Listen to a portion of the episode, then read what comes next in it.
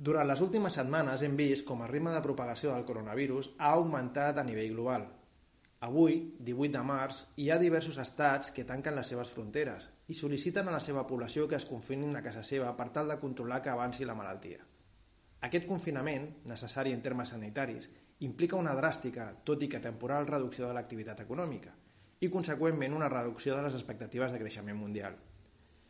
Aquesta revisió de les expectatives de creixement es trasllada com no podia ser d'una altra manera, també als mercats financers, on els dubtes dels inversors han provocat correccions significatives arreu del món, així com a gairebé totes les categories d'actius, afectant tant els valors de renda variable com els de renda fixa.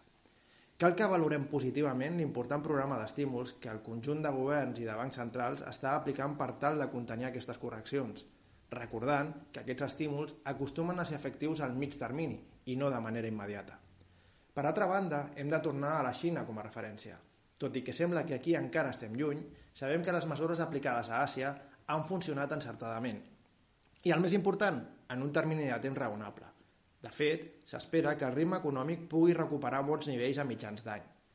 Aquest calendari, combinat amb els estímuls esmentats, podria afavorir una robusta recuperació un cop es controli l'epidèmia.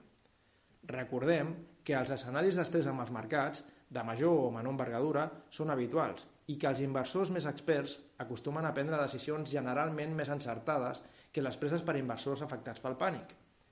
Si recorrem a l'experiència, podem dir que en el passat les estratègies mixtes de viatge defensiu i que no van renunciar a posicions de risc per recollir possibles millores del mercat han estat sempre les més encertades en moments hostils com l'actual.